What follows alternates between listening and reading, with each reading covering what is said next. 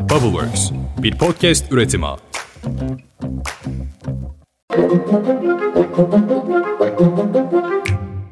Günaydın. Bugün 5 Temmuz 2023. Ben Özlem Gürses. Bubbleworks Medya ile birlikte hazırladığımız Türkiye'nin en çok dinlenen haber podcast'i. 5 dakikada dünya gündemine hepiniz hoş geldiniz.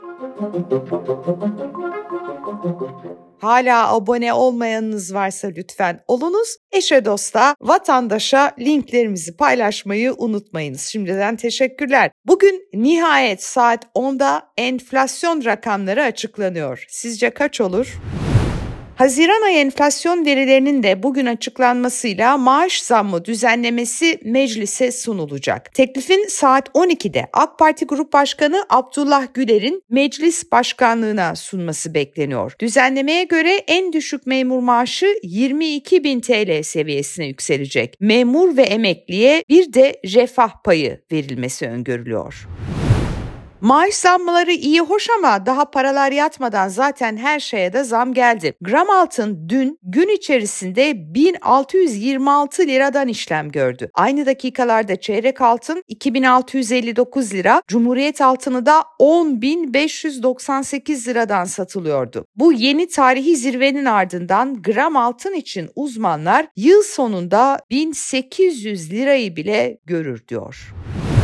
E dövizde de durum benzer. Bıraksan dolar 30 TL'ye kadar gidecek ama bırakmıyorlar, tutuyorlar. Uluslararası Ekonomi Haber Ajansı Bloomberg, ekonominin dümenindeki Mehmet Şimşek'in döviz rezervlerinin satışına karşı olduğunu yazdı. Bunu biliyoruz zaten. Bilmediğimiz bakanın bu talebine ve isteğine rağmen satışın devam ediyor olmasıydı. Onu da dün öğrenmiş olduk. Dün kamu bankaları 2,3 milyar dolara varan döviz satmıştı.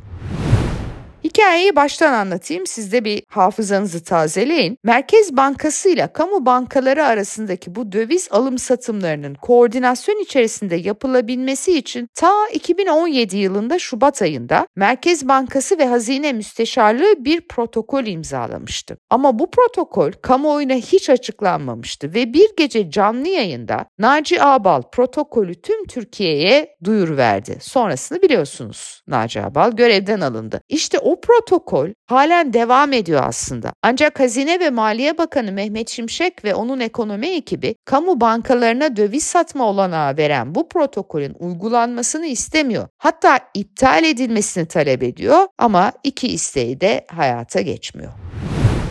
Cumhurbaşkanı Erdoğan dün Beştepe Külliyesi'nde sürpriz bir buluşma gerçekleştirdi. Rahmi Koç ve Ali Koç'la görüştü. Erdoğan sarayda Sanayi ve Teknoloji Bakanı Mehmet Fatih Kacır'la iş insanları Rahmi Koç ve Ali Koç'u kabul etti. Cumhurbaşkanlığı İletişim Başkanlığı'ndan yapılan açıklamaya göre saraydaki bu sürpriz kabul basına kapalı olarak gerçekleşti. Arkasından herhangi bir basın duyurusu da yapılmadı. İktidar sıcak para ve yatırım arıyor, muhalefetse genel başkan. Dün CHP grup toplantısında konuşan Kemal Kılıçdaroğlu'nun gündeminde de genel başkanlık tartışmaları ve değişim çağrıları vardı. Şimdi gelelim değişim ve liderlik meselesine. Bir kere bizler 25 milyon gibi birçok ülkenin toplam nüfusuna sahip insanla birlikte çıkarsız, parasız, sadece ama sadece hakkın yanında olmak için bir araya gelen bir koalisyon kurduysak, başörtülüsü, başı açığı, seküleri, Atatürkçüsü, milliyetçisi bir araya gelebildiysek büyük bir değişimi zaten başlatmışız demek. Kılıçdaroğlu bu konuşmayı yaparken önceki grup toplantılarına sıklıkla katılan önemli isimler salonda yoktu, kendisini dinlemediler. CHP'nin grup toplantısına katılmayan milletvekilleri arasında Veli Ağbaba, Bülent Tezcan, Engin Altay ve Ali Öztunç gibi isimler de vardı.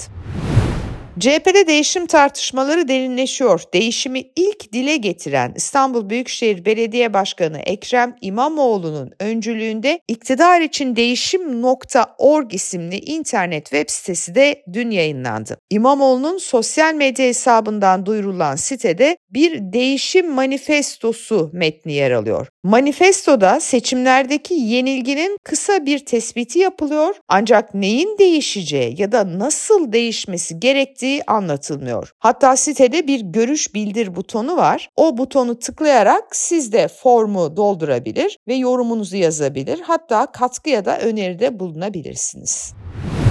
Tam bu manifestonun yayımlanmasından önce İzmir Büyükşehir Belediye Başkanı Tunç Soyer İstanbul'da Ekrem İmamoğlu ile İmamoğlu'nun makamında bir araya geldi. İmamoğlu ile yapılan görüşmenin ardından İzmir'e dönen Soyer birbirimizin fikirlerinden haberdar olduk dolayısıyla güzel bir sohbet oldu diye konuştu. Uzun süredir ben e, hakikaten bir araya gelmemiştik Ekrem Başkan'la. Bir araya gelip birbirimizi dinledik, birbirimizin fikirlerinden haberdar olduk. E, dolayısıyla da güzel bir sohbet oldu.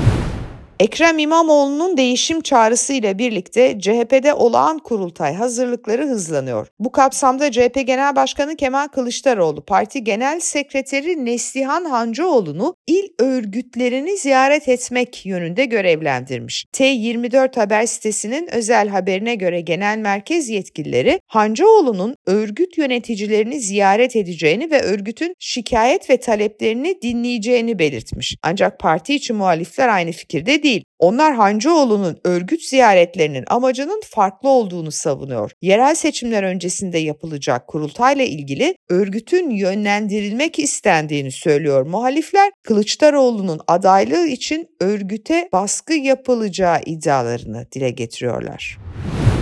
Bolu Büyükşehir Belediye Başkanı Tanju Özcan'ın da Bolu'dan Ankara'ya değişim ve adalet talebiyle başlattığı yürüyüş devam ediyor. Özcan'a kim genel başkan olmalı sorusu da soruldu. O da Ekrem İmamoğlu dedi. Benim gönlümden geçen genel başkan adayı Sayın İmamoğlu. E, neden benim gönlümden geçiyor? İmamoğlu benim babamın oğlu değil. Bir Muharrem İnce ile olan yakınlığımız gibi yakınlığımız da yok kendisiyle özel bir yakınlığımız.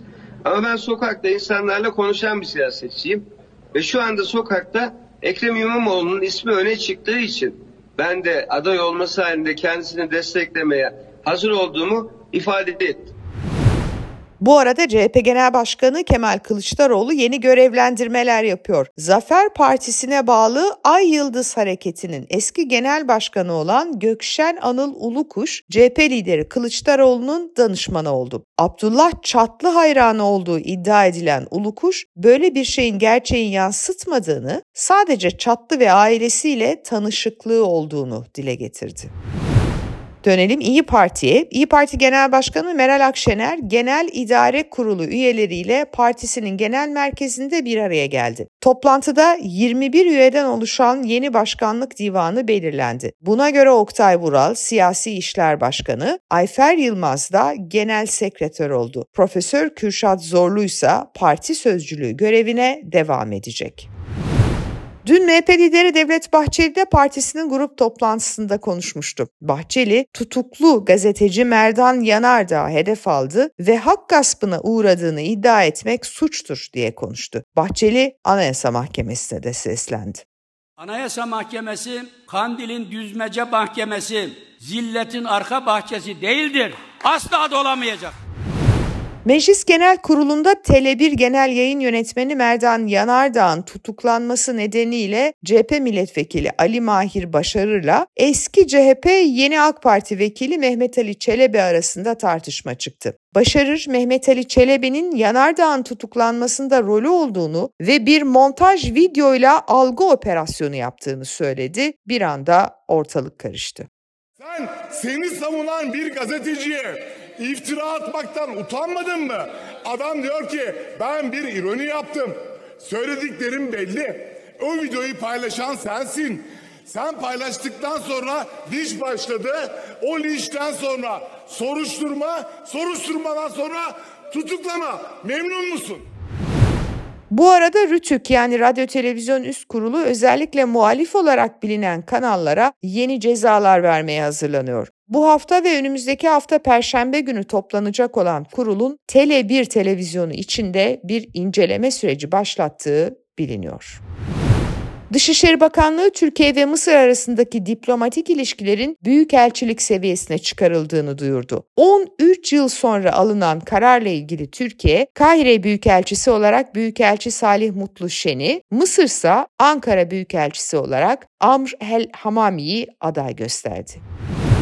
Fransa'da 17 yaşındaki Nahel'in polis tarafından öldürülmesinin ardından başlayan protestolar devam ediyor. Hükümet bu konuyla ilgili yeni bir adım attı. Uygunsuz içeriklerin olduğu sitelere yaş sınırı getirilmesi öngörülen yasa teklifinin görüşmelerine Senato'da yarın başlanacak. Olaylar nedeniyle bu yasa teklifine yeni bir madde eklendi ve bu maddeye göre kamu düzeni ve kamu güvenliğini bozmaya teşvik eden sosyal medya paylaşımlarına Fransa'da artık erişim engeli getirilebilecek.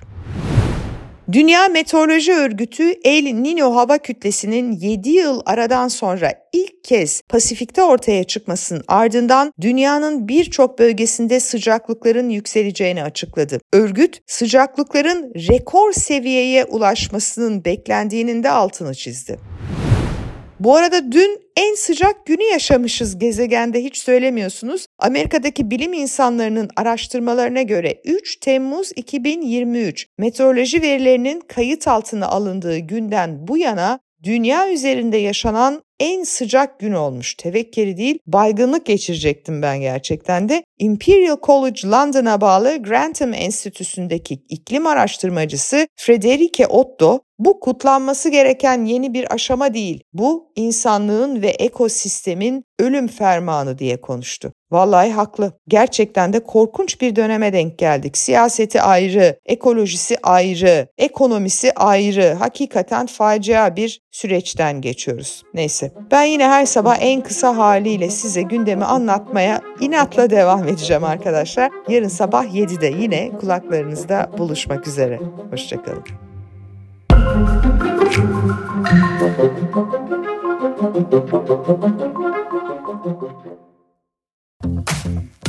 Bubbleworks bir podcast üretimi.